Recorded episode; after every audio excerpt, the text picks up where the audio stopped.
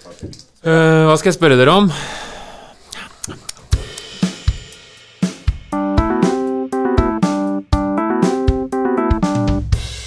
Den gang da. Vi har fått eh, sponsor, vi. Har du noen gang vurdert å ta opp fag som privatist? Nei, kan du eg- gjøre. egentlig ikke. Å ja, Men, eh, unnskyld. men, men eh, hvis jeg skulle gjort det, så ville jeg tatt det på Akademiet privatistskole. Oi, hva er det for noe? Det er en privatistskole som kan tilby eh, kurs i alle fag du trenger for å få generell studiekompetanse, eller bare forbedre dine karakterer. Ok, Så hvis jeg vil eh, forbedre fagene mine, eller mangler noe fag, så kan jeg velge Akademiet privatistskole? Det kan du gjøre, og du kan velge nettstudiene deres. Ok, Så slipper du å møte opp Hvor finner man nettstudiene? på internett. Hva er nettadressen? www.akademiet.no. Oi, den var lett å huske. Men Ikke hva, sant? hva skjer hvis jeg ikke får bedre karakterer? For jeg har ganske gode karakterer fra før. Oi, vet du hva? Da kan du få pengene tilbake.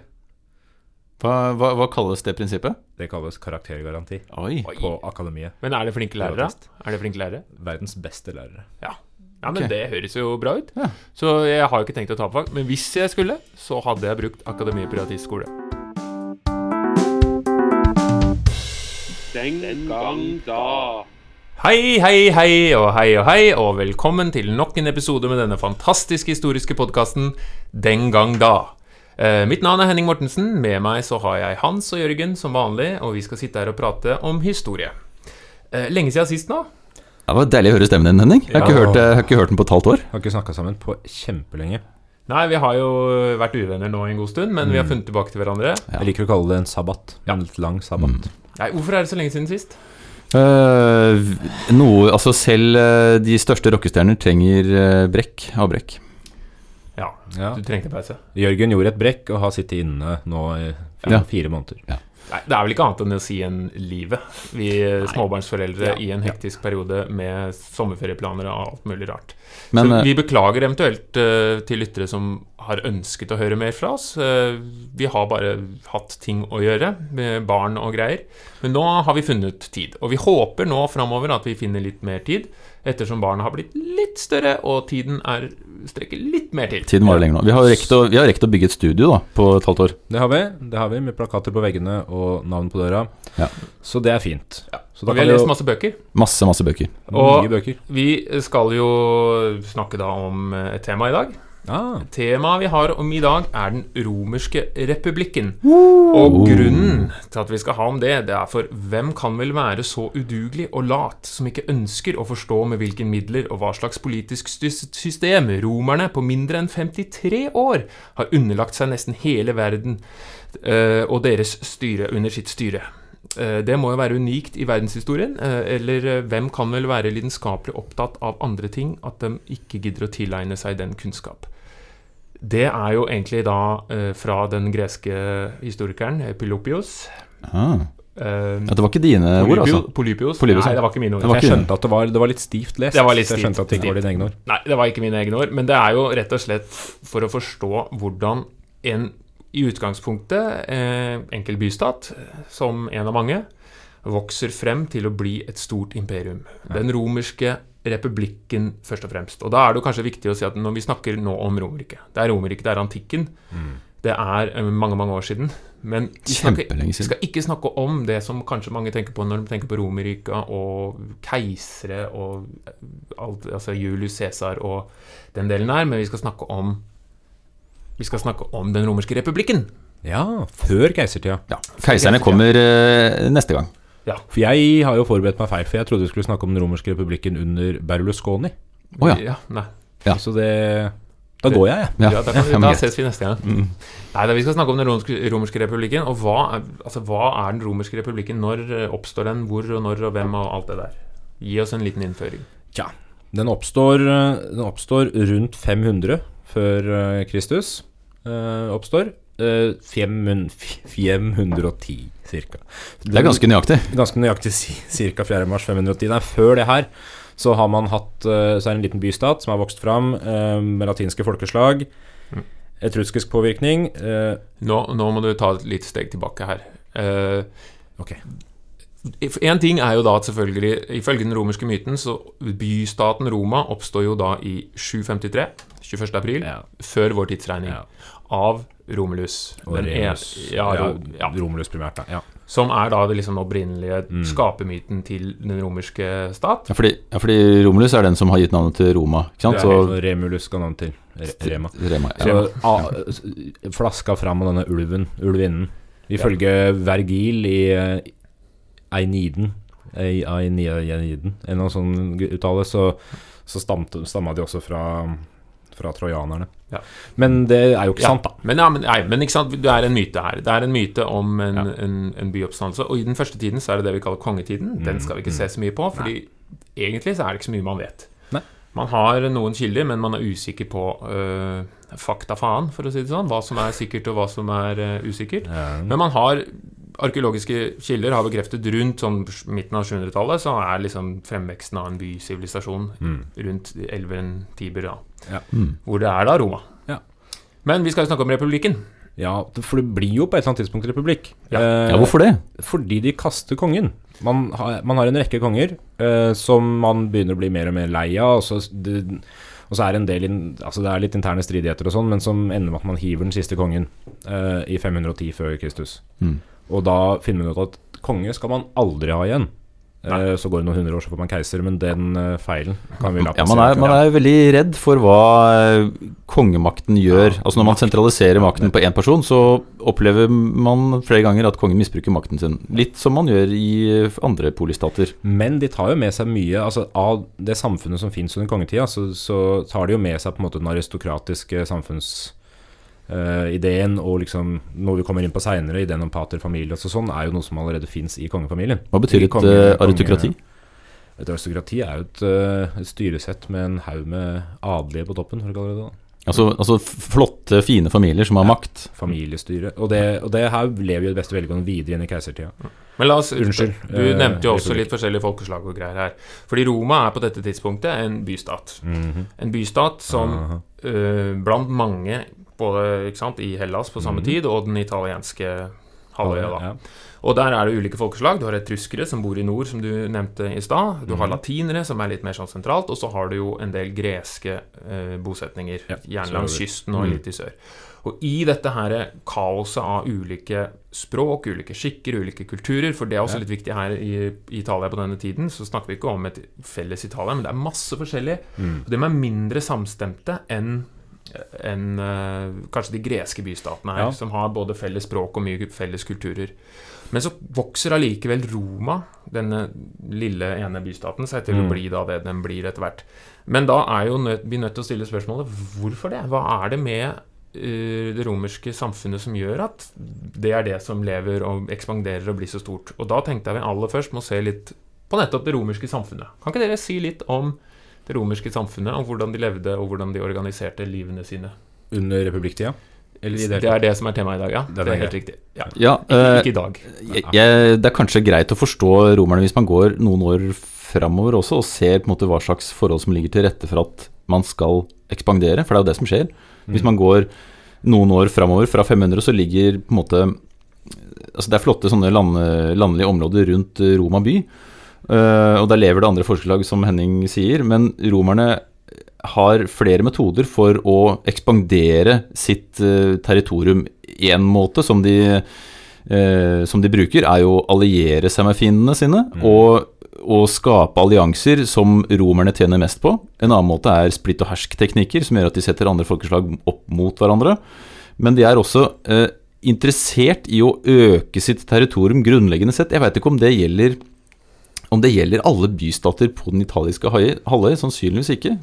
Nei, altså de, de, de, de ekspanderer jo ved å blant gi folk begrensa eller full borgerrett, borgerrett da, i de forskjellige omkringliggende områdene. Sånn at de, som du sier, allierer seg med noen eller kriger med noen andre. Og så gir man folk borgerrett, så man skal kunne på en måte ha flere og flere folk som er knytta til Roma på et eller annet vis. da. Og så er det viktig å tenke at dette her, det tar jo tid. Det er jo ikke sånn at eh, Roma ble ikke bygd på en dag, går det an å si det på en Ja, det er vel et uttrykk. Men, eh, men det tar jo lang tid. Og det, det tar mange hundre år før Roma har underlagt seg den italiske halvøya, Mm. som jo er på en måte begynnelsen på den store ekspansjonen som kommer seinere. Ja, men det, det vi må se litt på, er jo hvem er romerne? ikke sant? Hvordan lever romerne, og hvilke Mm. konsekvenser for dere senere? Og Dere nevner borgerrett, og dere nevner masse her. Men da ta et steg tilbake og se ok, romerne, hvis vi sammenligner med andre greske bystater For en romer så var det viktigste Det var jo slekta. Ja. Roma er på mange måter bare en allianse mellom Mm. ulike slekter. Og det er viktig, for i Roma så hadde jo til og med altså den eldste mannlige overhodet i familien hadde domsmyndighet, altså Ja. pader familias. Eh, han var jo, eh, var jo den som kunne dømme sine andre til døden, og altså du, du var rett og slett underlagt den eldste, Mm. eldste mannen i slekta di. Og slektsnavnene var jo ekstremt viktig. Romerne hadde jo navn Altså Deres egennavn var jo slektsnavnet. Kvinner i Roma hadde kun, hadde kun slektsnavnet. Ja. Så hvis du fikk en datter, så var det Valeria hvis du, fra Valus-slekta. Og vi fikk du en datter til, så var det Valeria nummer to.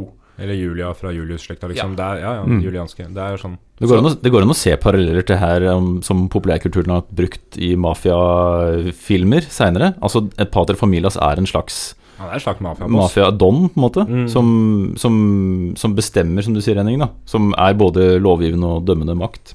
I familien, men også ja, viktig, Mm. og da naturlig nok viktig i samfunnet. Mm. Men denne slektstilknytningen ikke sant? Den blir jo også viktig nettopp fordi det er det viktigste bindeleddet for mange. Ja. Men du har jo også en borgerrett. Altså Du har det å være borger av Roma, av Mm. bystaten Roma. Men det, unnskyld. Den retten kan jo gis deg, ikke sant, av eh, ja, Kall det folket, da, et øyeblikk der.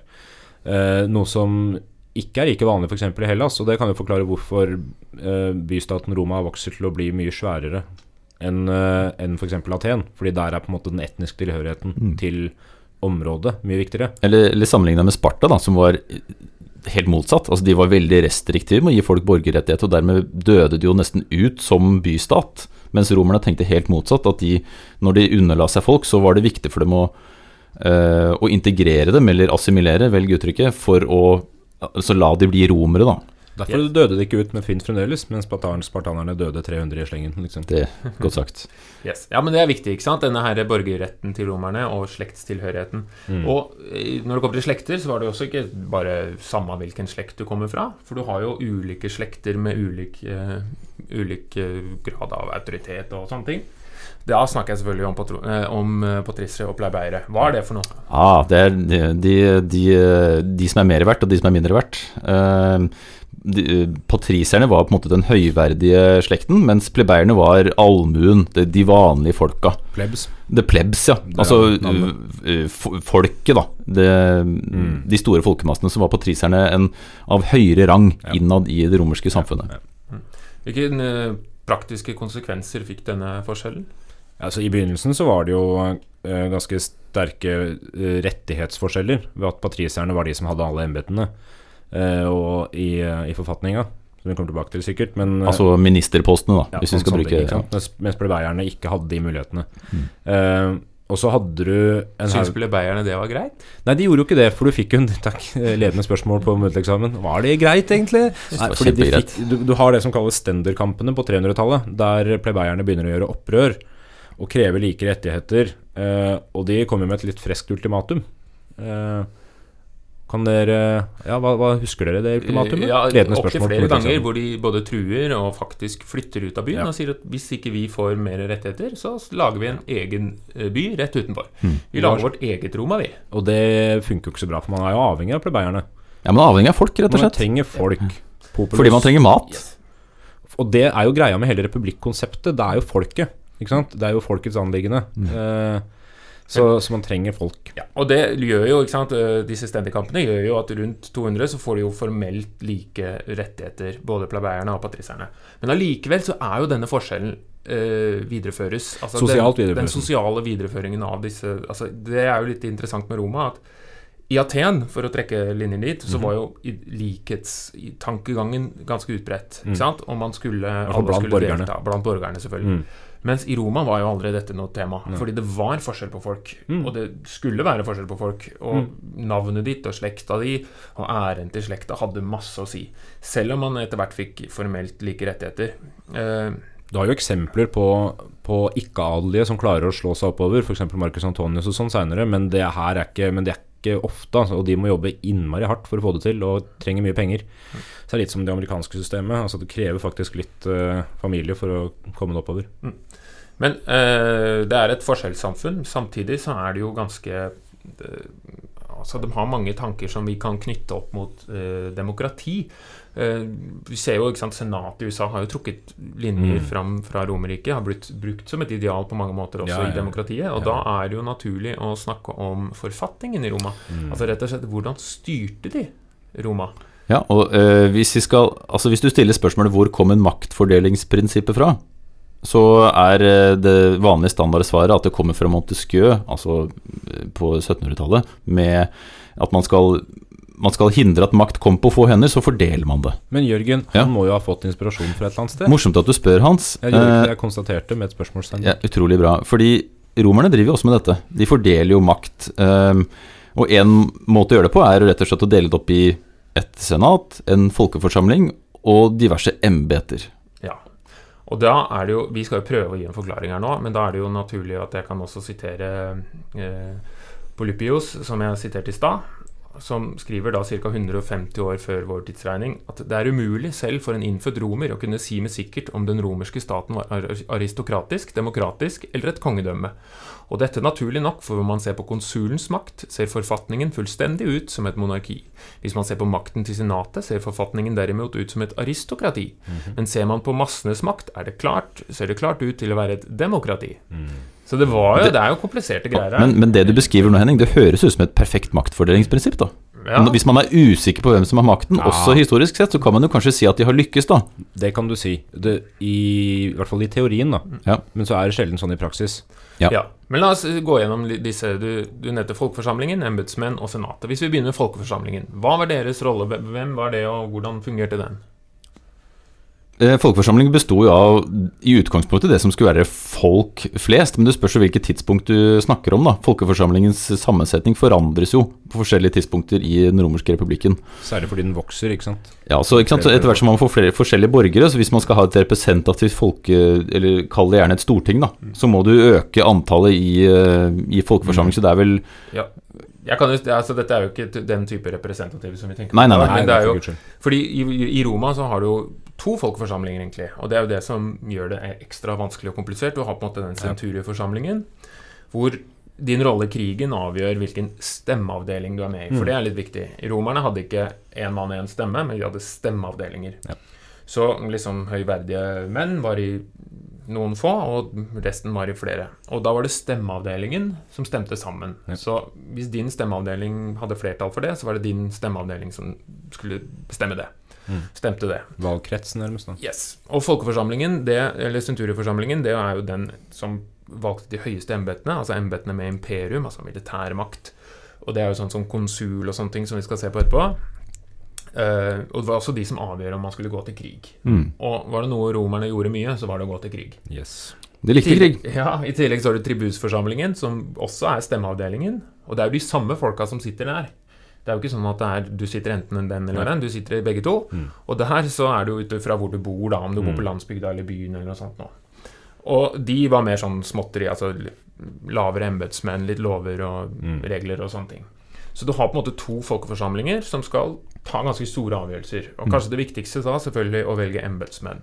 Og senturieforsamlingen var jo de da som valgte bl.a. konsuler, som kanskje er jo eller som er den viktigste embetsposisjonen. Vi kan, jo- ja, Så kan hva er en konsul? Vi kan jo ta de, da. Det er jo Kall det en statsminister, da. Eh, Det viktigste embetet i den romerske republikken, og det var to.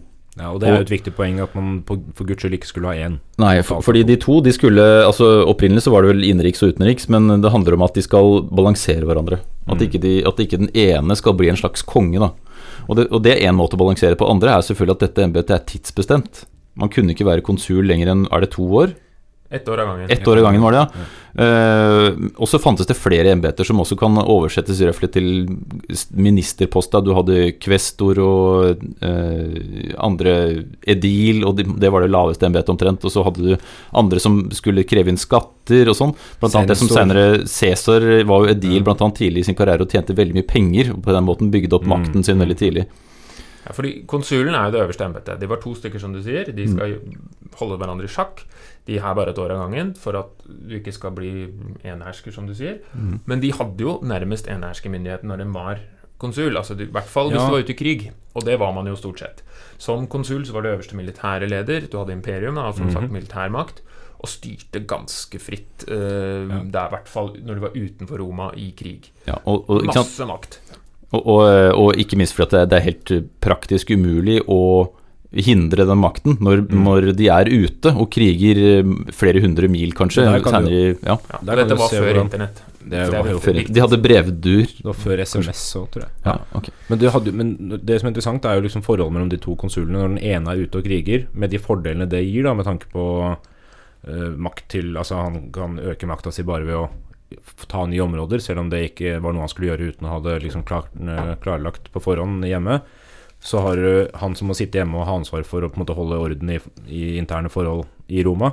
Men han har jo samtidig muligheten til å knytte en hel del spennende allianser og sånt internt som han på utsida av Roma ikke har muligheten til. Så mellom de to så må det også ha foregått en del kniving. Ja. Og ikke minst, hvis du er ute og kriger, da får du krigsbytte. Og hvis du bygger opp krigsbytte, penger, så kan du også kjøpe lojalitet av soldatene dine. Altså ja, bli med meg i krig her, dere får penger, Nettopp. så støtter dere meg, ok? Så kommer du tilbake, så har du triumftog, og han som har sittet på ræva et år, han, eh, han, får, eh, han får ikke noe. Ja, tri Triumftog, altså når man feirer eh, Altså det var klare regler knytta til det å kunne feire triumf. Altså parademarsj i Romas gater. Se hva jeg klarte, jeg erobret disse og dette, og hadde med seg fanger og sånn. Ja. Men konsulen, viktig, viktig embete. Han er, Om du skal huske noen til muntlig eksamen, hvis du hører på dette som forberedelse til det, så er en konsul, må du huske. Han må hva er. Men så er jo også folketribunen en veldig viktig Og han er jo, eller de, det var ti av gangen. De er, viser jo viktigheten nettopp med denne her balansen mellom folkets makt og, øh, og, og elitens makt. For en folketribun skulle jo på mange måter være folkets forkjemper. En som, Han måtte være plebeier, så han måtte være mann av folket. Så sånn sett så var det jo eh, aristokratiet nærmest som blei ble ekskludert i den sammenhengen. Men en folketribun var jo en som kunne legge ned veto mot lovforslag og si at nei, det der gagner ikke folket. Så hvis f.eks. En, en konsul var litt for aggressiv med å skrive ut uh, skulle ha inn soldater osv., så, videre, så kunne en folketribun si at nei, det gagner ikke folket, så jeg legger rett og slett ned veto der. Så de hadde jo også ulike eh, ulike uh, embetsmenn for å sikre nettopp Ja. Kall det folkets makt. da Det blei selvfølgelig ofte brukt som et maktmiddel, uh, også den stillingen.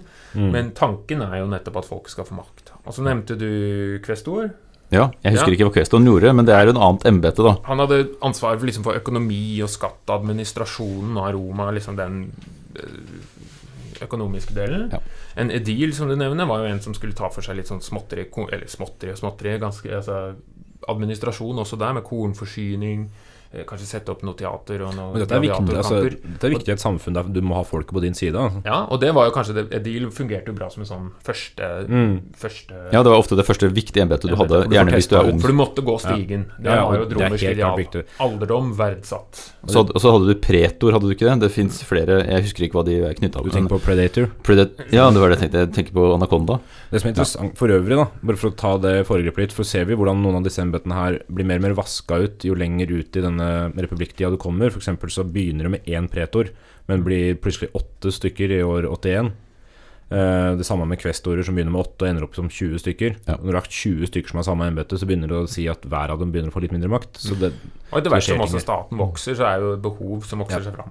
Og et annet uh, viktig Da har vi snakket om folkeforsamlinger, vi har snakket om embeter, men Du en den en av de viktigste, eller kanskje den viktigste maktinstansen, var jo Senatet. Mhm. Og det er jo litt sånn diffus ikke? For de hadde mye makt. De hadde jo rent legalmakt, eh, ved at det var de som formelt skulle ordne litt for finansene og utenrikspolitikken og liksom være sånn, men Yes, den autoriteten de hadde, var kanskje den viktigste makten. Mm. Og Senatet var jo 300 menn, som idealet var 300 stykker. Men så ble det flere senere, ble det ikke det? 600 på et tidspunkt? Ja, det var jo ikke, sant, ikke alltid så lett å holde det sånn. Men det var jo de som hadde hatt et høyt embete, de kunne automatisk få en plass. Altså Da snakka jeg om konsuler og pretorer, altså få høy, høyeste militære embete. Mm, mm. De gikk jo inn i Senatet. Du måtte gjøre deg fortjent til plassen i Senatet. Ja. Uh, og senat, Jeg har alltid sett for meg Senatet som en Det er en gjeng med eldre, Ja, gamle sånn, gubber, altså. Eldst, Eldsterådet kunne du godt kalt De det. kunne det. Og etter hvert så blir det selvfølgelig uh, inflasjon her òg, som du får inn unge folk i senatet etter hvert. Og samme som du får plutselig folk i, som, uh, som konsuler som ikke er mer enn noen og 20 år gamle. Ikke sant? Fordi Unge det- folk altså, ødelegger alt. Ja, Men, men det er også typisk, et typisk veldig vanlig bilde da, fra film. Ikke sant? Du ser alltid at, uh, menn at de er i. Senatet, ikke sant? og så diskuterer de politikk. Altså, ja, nei, vi bør gjøre dette, eller vi bør gjøre dette, og så holder, går de på talerstolen, og så, og så, må du, og så Ja. får du bifallsrop, eller så kaster Ja. de tomater på deg. Så Det er det liksom, haug haug med folk i hvite togaer, og så Ja. konsuler i, med noe purpur og greier. Og så Ja. må konsulene ha med seg senatet på å ta avgjørelser. Ja. For Senatet var jo der hvor de mektige menn møttes og ble enige. Mm. Ikke sant? Og det er jo viktig. Det er kanskje derfor også den der mye av makta deres ligger, da. Fordi de er jo mektige menn som har mye med seg, og derfor Penger og makt. ikke sant, så vil Familier. folk altså, Du kan ikke gå imot Senatet, for da Nei. går du imot den mektige, mektigste familiene og Ja. institusjonene i, ja, og her, her er det en sånn deilig miks av formell makt og faktisk makt. da. Ja, ja. Altså, selv om du kanskje har formell makt til å gjøre noe, så vil du likevel ikke gjøre det, fordi hvis du får Senatet Nei. mot deg, så, så er det dårlig. så er du i trøbbel Ja. etter at perioden din er over, mm -hmm. f.eks. for eksempel. Fordi du også forhåpentligvis skal inn i Senatet. Ja. Eh, men så er det også sånn at Senatet på ingen måte er en helt demokratisk eh, forsamling. Fordi de har jo Nei da. Altså Det er jo ikke sånn at stemmene der teller likt. De, de med mest myndighet eh, stemmer.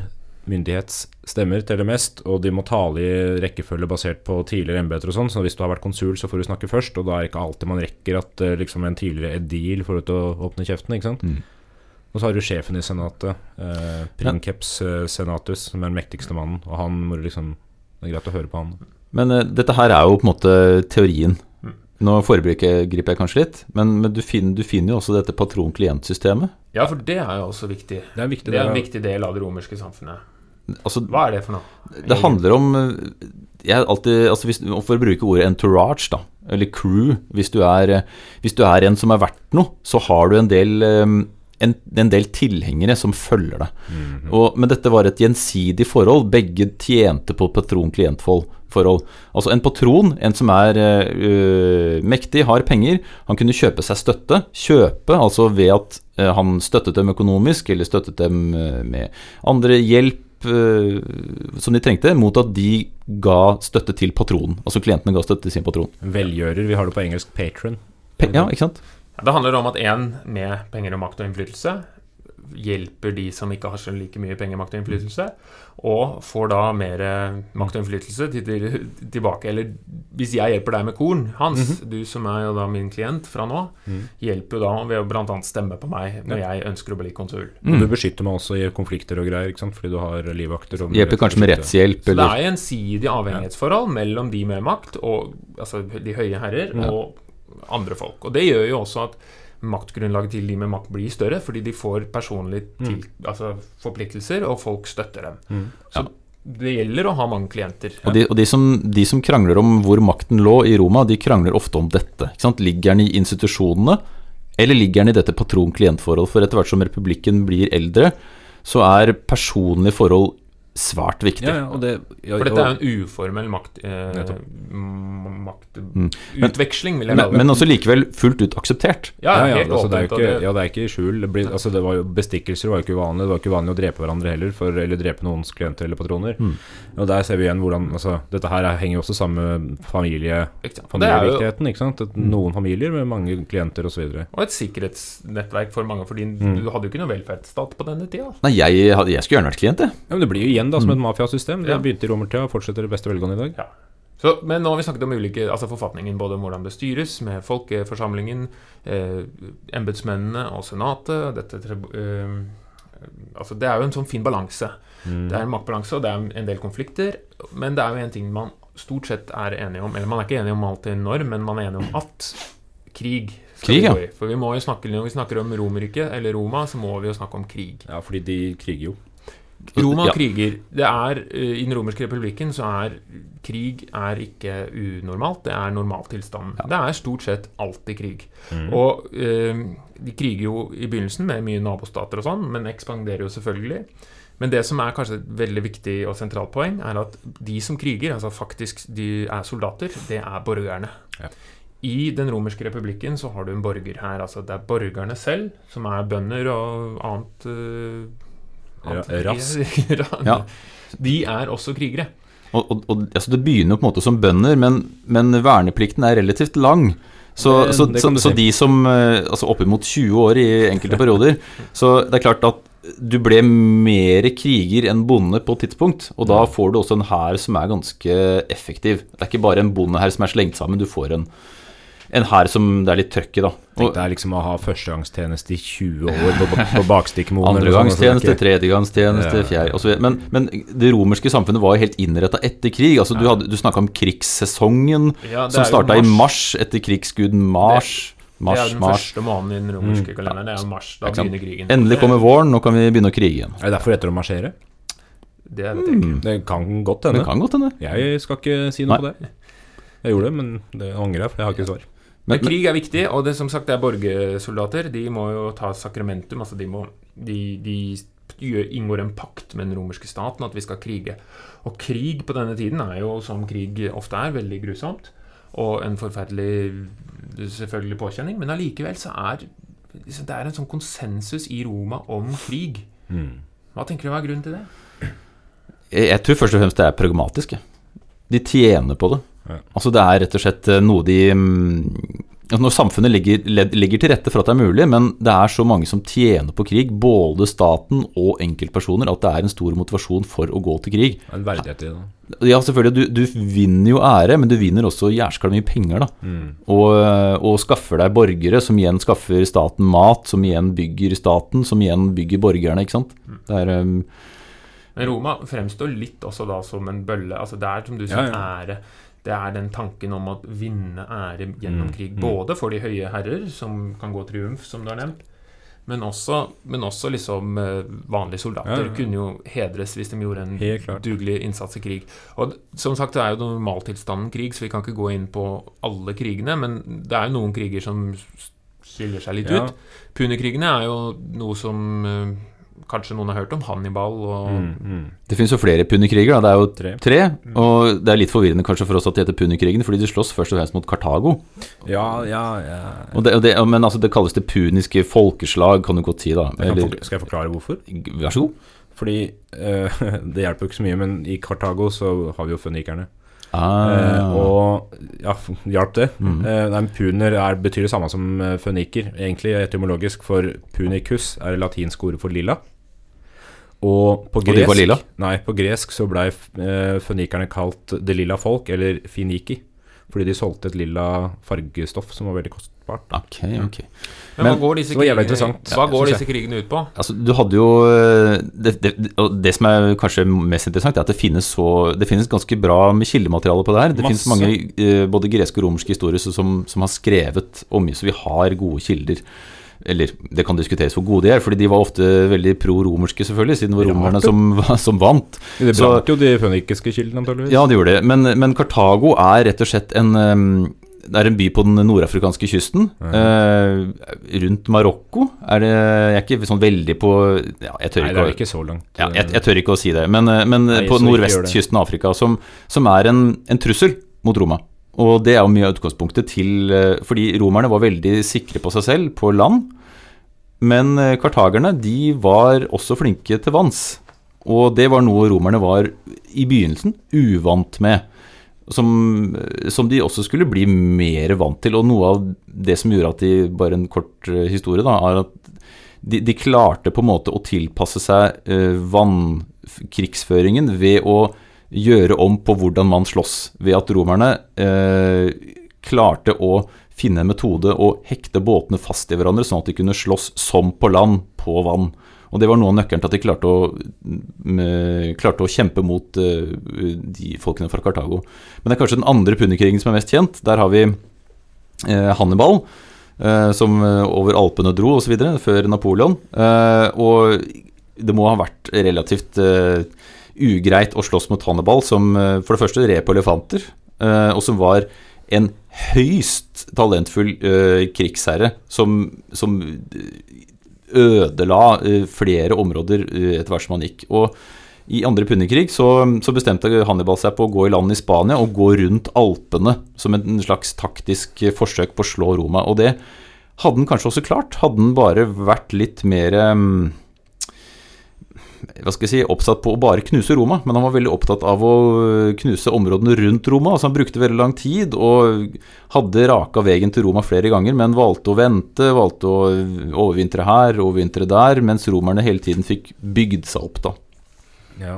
Eh, Og selv om da Hannibal sto utenfor Romas porter, så klarte han aldri å ta Roma på den måten han ville. Men han var en trussel over mange år. Var belei ikke beleiring, men det var et, et krigstokk som varte over flere år. Jeg kan du si noe om når dette her var? Ja, det er på 200-tallet før, eh, før Kristus. Eh, Før Kristus, ja. Før Kristus, ja. Eh, jeg husker ikke akkurat datoen. Var, var jeg vet det nemlig. Ja, kom igjen.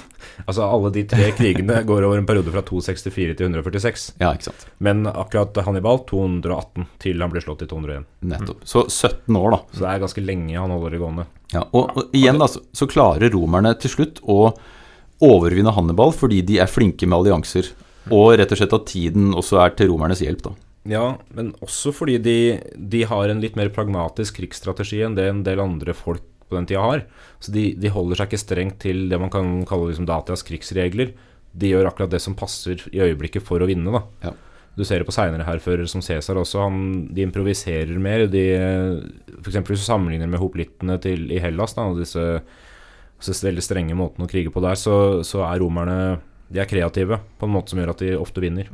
Men romerne taper jo mange slag, men Ja. vinner ofte krigen. Og det var viktig for dem. Mm. Liksom, det var ikke så farlig å vinne et slag så lenge det funka i den store strategien om å vinne krigen. Så Punikrigene handler Det er litt om Cecilia, for det er noe Der er det jo noen italienske eller noen Ja, og, og Kartago hadde jo også fotfeste der flere ganger. Ja, og så blir det en maktkamp, og så blir det en ulike kriger hvor romerne ofte vinner. Mm. Setter uh, Kartago for ulike straffer. Så er det litt hevn og ta tilbake, og jeg vil ikke gjøre sånn. Og så ender det jo med at romerne vinner ganske greit. Eller de Mm. knuser jo. Ja, I tredje punnikrig så, så gjør de det Cato den eldre stadig eh, etterlyste i senatet. Nei, For øvrig syns jeg vi bør brenne Kartago. Det er, det er hardt. Og det gjør de til slutt. Og det er jo også litt, litt uh, talende for romersk krigføring. Dette er ikke noe galant uh, du vinner, altså nå har du slått og bøyd deg for meg. Det er, nå har du slått, nå skal jeg drepe deg og alle hundene dine. Og, Ja, ja. du og, og krigens brutalitet blir jo feira i Roma også. Hvis du ser romerske ja. eh, Romerske seiersmonument Mm, inneholder jo mm. halshugging av fienden og kidnapping og slaveri. Det at de tar barn til slaver. Og det er jo ikke for å få frem liksom brutaliteten og se så fælt, det er å se hvor godt vi seiret. Så romerne var brutale, de var eh, voldsomme og flinke. Og det må kanskje til for å skape et imperium. Det kan være. Men og, altså, mytene det stemmer antakeligvis ikke, men mytene rundt på en måte, ødeleggelsen av Kartago sier jo også at de strødde salt. Altså de brant hele byen og strødde salt på marka så det aldri skulle gro noe der igjen. Og Kartago lå for øvrig i Tunisia, ikke Det var Tunisia. Ok, ja, et land ifra. Ja. Uh, men ja. Så krig er viktig. Krig er viktig for å forstå det romerske samfunnet. Og de, de ekspanderer jo, tar hele den romerske halvøya og, og alle de folkene der. Og som du sier, de taper ofte, eller som ble sagt, var vel jeg som sa det, taper ofte slaget, men vinner ofte krigen. Og det handler også med De får jo med eh, andre bystater, andre allierte med seg til å bli soldater og krigere etter hvert. Mm. Eh, så ender det jo med krig også. For vi må jo se på Ja. hvordan er det det går fra å være en republikk, Mm. et slags demokratisk forlik, til å ikke bli det lenger. Altså keiserriket. Og hva er det naturlig å begynne med da? Du tenker på senrepublikken? Ja, eh, det er jo naturlig å nevne at, eh, at det begynner å gå gradvis nedover. Fra ca. 100, eller 100 sånn, Man kaller det siste hundreåret i republikken for revolusjonshundreåret. 133 til 31. Hva betyr det at det går nedover, da? Nei, altså, det- som er greit å ha peil på her, er jo at de har ingen grunnlov i Roma. Sånn at forfatninga egentlig kan være i stadig endring. De har noe som kalles eh, tolvtavleloven, men de har ikke noen etablert grunnlov, sånn at ting kan endres. Og holdningene og sånn endres stadig vekk. Eh, med en del interne konflikter og krig utad, og de blir svære, og det blir, mulig vanskelig å holde, holde orden gjennom med det systemet de har. Um, så i kombinasjon med enkeltpersonene her, da. Kombinasjonen, altså en del enkeltpersoner, sterke enkeltpersoner, som ikke bare gir seg sjøl makt, men som bidrar til å endre på en måte det politiske klimaet fra 130 og framover. Um, Så det det er jo noen historikere som mener at republikken er død rundt 100 før Kristus. ja, Nettopp fordi at da, da fungerer ikke maktfordelingsprinsippet lenger. Det er, det er rett og slett snakk om konsentrert makt. ja, enkeltpersoner som bestikker seg og dreper seg til mye makt. F.eks. disse Gracchus-brødrene, som vi ikke trenger å si så mye om, men som vi kan nevne at, at har noen jordreformer som er ganske liberale og møter mye motstand, men som, men som gjennomfører disse eh, reformene med mye makt, politisk spill, som egentlig er ganske uhørt i den tradisjonelle republikken, men setter i gang et, et helt nytt klima. Ja, for Det som er litt fascinerende med den romerske på måte, overgangen, er jo at det er jo da mektige menn. Og da man tenker på mektige menn i dag, så, tenker ofte diktatorer eller altså tyranner, da. Mm. Som kommer og tar makten over folket, og folket blir kua. Men i Romerriket så handler det ofte om mektige menn som bruker folket og spiller på folkets vilje for å skaffe seg makt. Eh, mot da disse mektige senatsoverhodene og Ja. disse mektige familiene. Så fra Altså fra et eh, aristokrati, da, for det som Romerriket på mange måter var, hvor det var noen få, og senatet hadde veldig stor makt, så begynner noen å bruke folket og folkeforsamlingene til å skaffe seg makt. Og også disse store generalene som etter hvert vokser fram. Altså selvfølgelig Julius Cæsar, nå går jeg kanskje litt fra meg, men som får en stor følgerskare, hvor han klarer å overbevise folk og soldater om at han bør ha makt og bør følges, og skaffer seg lojale følgere. Mm. Så folket er på en måte på med på Ja, ja. det som kanskje blir vi i ettertiden tenker på som tyrannenes side. De veit kanskje ikke hva de er med på, men de er med på å på en måte bidra til, eh, til endring av forfatninga. Men, men det ligger jo også i systemet. Dette patron-klient-systemet er Ja, jo der. er Ikke sant? At det er, det, er, det er- er etikette for at du skal skape tilhengere. Og når, når, når hærførerne etter hvert blir så rike og mektige, og etter hvert begynner å få hærer som er lojale til dem, Mm. og ikke til staten, så har du et system som vakler, da, rent Ja. uh, forfatningsmessig. Man, man skjønner kanskje ikke hva det innebærer, bare. Man, man klarer ikke å se konsekvensen av det. Altså, jeg, jeg følger jeg Roma, eller følger jeg Cæsar? Ja, nei, Det er et viktig poeng, da. Å jobbe Cæsar for seg sjøl eller for Roma. Skurre. Og det er også da når eiendomsløse borgere til slutt også eh, Så blir jo soldater som Selvfølgelig, hvis jeg følger Julius Cæsar, så får jeg eh, et landområde når jeg er ferdig med min plikt. Så du, du, du de, de kan kjøpe seg mye mer Mm. lojalitet. Også sånn. Dette er jo folk som kanskje har vært, uh, vært på hærstien i 20 år, ikke sant? I en eller annen krig utafor Roma. Og sånn sett, hvor ligger lojaliteten? Jo, den ligger til de du har tilbrakt 20 år av livet ditt med. Mm. Det er hærføreren og folka rundt deg, ikke en er måte- en stund siden du var bonde, på en måte. Ja, ikke byen som du ikke har sett på 20 år. Ja. Um, dette her må jo kombineres da med at du får mye motstand fra såkalte forbundsfeller og andre, altså omkringliggende områder, og egentlig områder som også ligger ganske langt unna Roma, men som Roma har allianse med. Ja, fordi Roma er jo ikke venner med folk. Nei, altså de har allianser og forbundsfeller, men de begynner å gjøre opprør fordi de ønsker full borgerrett og sånn, og vinner delvis fram innimellom, men noen ganger så er det noen som yter så mye motstand at Roma begynner å måtte krige med dem og slå dem ned. Og så er du, så er du fullstendig avhengig av generaler da, eller konsuler som er flinke. Og, og de flinke generalene, etter hvert som republikken skrider fram, så blir jo disse embetene også utvida. Det er jo et embete vi ikke har nevnt her, da. Dette diktatorembetet. Det kommer jo litt seinere, altså det såkalte Ja, det har jo blitt brukt tidligere, men det har liksom ikke fått de konsekvensene Ja, tidligere hvor- som det får etter hvert. Men da gir man altså eneherskermakt Ja. til en enkeltperson over seks måneder, er det jo opprinnelig, da. Men etter hvert som republikken blir eldre, så, så viskes disse reglene ikke Litt ut, ut, men, men de blir tøyd, da. Sånn at enkeltmenneskene også får tid og mulighet til å opparbeide seg den makten man trenger for å få store følgerskarer. Mm. Men hvordan skjer det, da? Kan ikke dere ta oss gjennom prosessen fra, Ja, fra republikk til til slutt keiserriket. for da kan jeg begynne med en av disse diktatorene som eh, Jørgen nevner her. Fordi du har en, du har en sånn forbundsfellekrig eh, på, på 80-tallet eh, før Kristus eh, mot en, som, en konge som het Mitridates i Lilleasia, dagens Tyrkia. Han eh, gjør veldig mye motstand.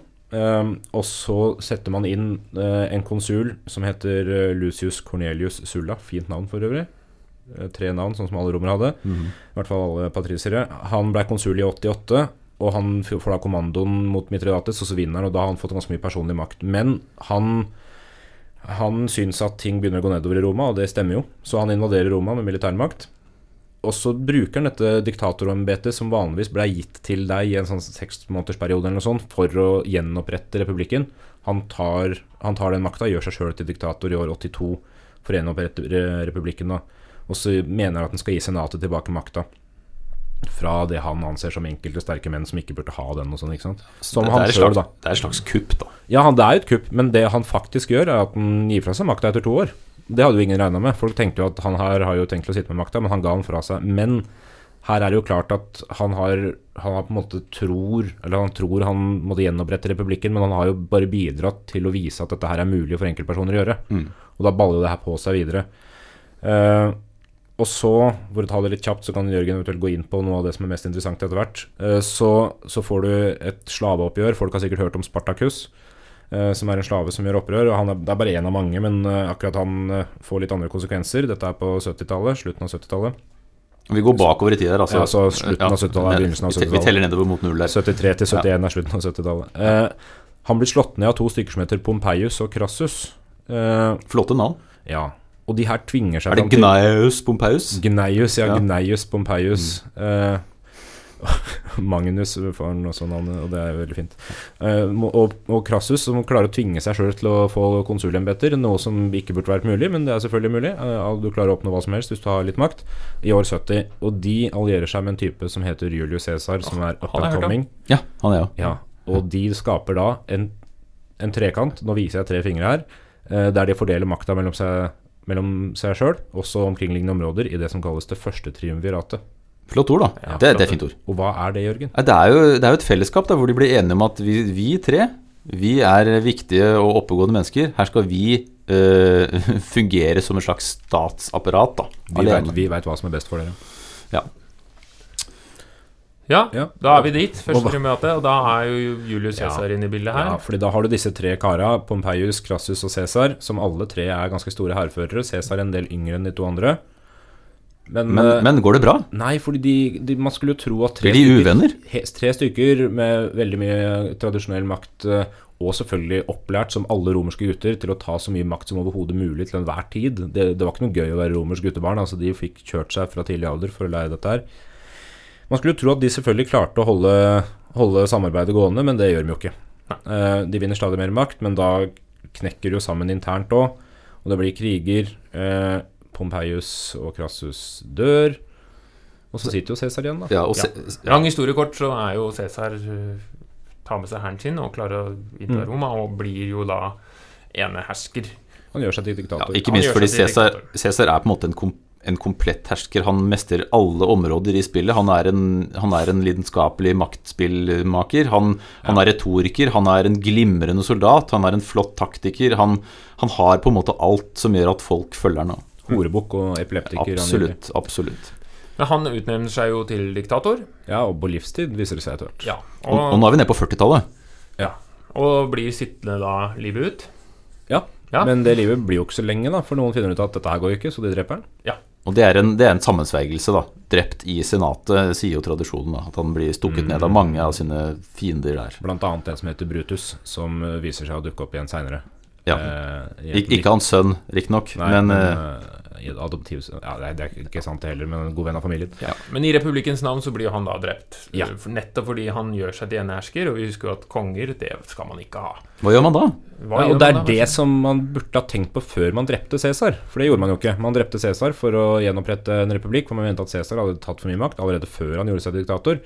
Men så glemte man jo at man ikke hadde noe å gå tilbake til. Og så blir det opprør, fordi Cæsar hadde jo støttespillere, de andre hadde støttespillere. Og da er det noen som begynner å samarbeide, og dette her er en fyr som heter Marcus Antonius, som var eh, Cæsars eh, en general under Cæsar, og som også bidro til å kontrollere Roma mens Cæsar var ute og, og hæra. Eh, Og da, ja. og da får du dette det andre triumfiatet, som Ja. er eh, med den senere keiser Augustus, som heter Oktavian. Og det er jo da Cæsars adoptivsønn. Noe han ikke egentlig finner ut av før Cæsar er død, men, men da arver han plutselig penger og begynner å bruke navnet Cæsar for øvrig, fordi han jo er sønnen til Cæsar. Så når slutter republikken? Ja, Ja, Er det mordet på Cæsar, eller er det når Oktavian eh, Nei, det er jo- blir keiser Augustus? eh, For det Octav- bare fordi når du snakker om Oktavian nå, han er jo den som vinner denne maktkampen som han, heter han vinner etter hvert fordi de Ja. to andre dør. Ja, og Marcus Antonius, eh, Mark Anthony, han tar jo livet sitt. Sammen med Kleopatra. Ja, for det er han, det er han sangeren, ikke sant? Det er han sangeren. Ja. Ja, ja. Sammen Men- med Kleopatra dør han. ja, så Gaius Agdaus blir jo keiser Augustus. Ja. Han blir den første offisielle keiser, selv om han ikke bru, altså, Han han bruker han- kaller seg jo ikke keiser, kaller seg prinsips. Han er Ja, det gjør jo alle seinere også. Jo han er den fremste. fremste. Han er bare en sånn is, Altså, han er jo en enehersker, men han fjerner ikke senatet. Han fjerner ikke eh, Altså, han beholder de gamle institusjonene, som gir noen sånn skinnbedrag Men han sier jo at nå er republikken gjenoppretta. Ja, men det er den jo ikke. Nei, men man kan jo Men han sier det jo. Men, og da? man kan jo faktisk mene at han mener det òg.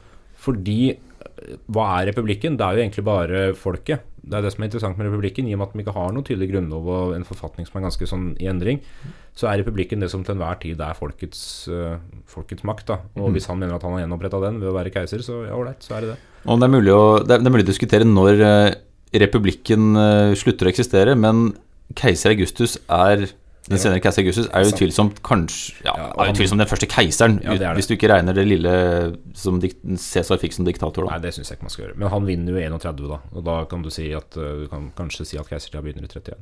Ja. Og da er republikken eh, ikke lenger. Nei, I hvert fall ikke fra eh, vår Altså, periodeinndeling. Institusjonene er der fortsatt, men keiseren har nå ødelagt maktbalansen. da. Ja, han har blitt den ene på toppen. Ja, og hva kjennetegner keisertiden? Det skal vi kanskje prate mer om. Det er litt langt, kanskje? Ja, Det er litt lang tid, ja. Nå, kjenner vi at vi er slitne. Dere sikkert som hører på også. Men da kommer vi inn i den eh, keisertida som vi skal se på senere. Hvor Roma ikke lenger eh, styres av eh, konsuler og sånne ting, men keisere. Og det som er, og mange gode keisere. Og mange ikke så gode keisere. veldig, veldig mange av begge deler. På noen tidspunkt flere keisere. Ja, og soldatkeisere. Men det som, bare for å foregripe det Altså, Roma fungerer jo kanskje enda bedre som keiserrike.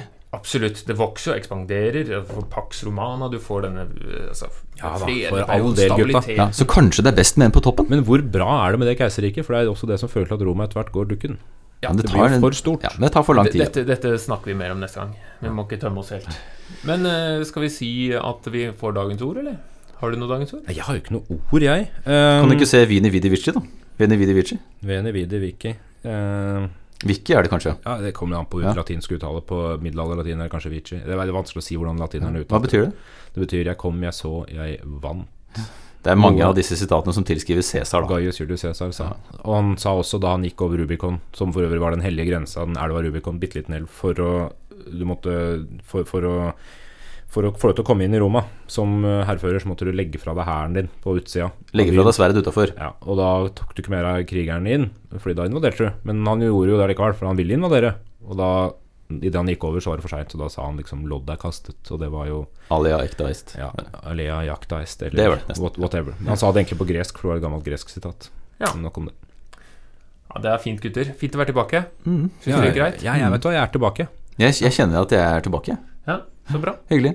Fortsett neste uke, da. Vi gjør det, ja. Ja. ja, men da sier vi takk for nå. Skal vi gjøre Takk for at du hørte på. Håper, uh, håper dere har uh, hatt det fint siden sist, og så ses vi forhåpentligvis om ikke så altfor lenge. Det håper vi på. Ha det og bra. lykke til. Ha det.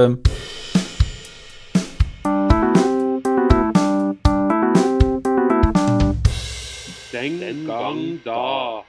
Hei, hei, hei og hei og hei, og velkommen til denne fantastiske historiske podkasten Hver gang når Nei, jeg mener den gang da.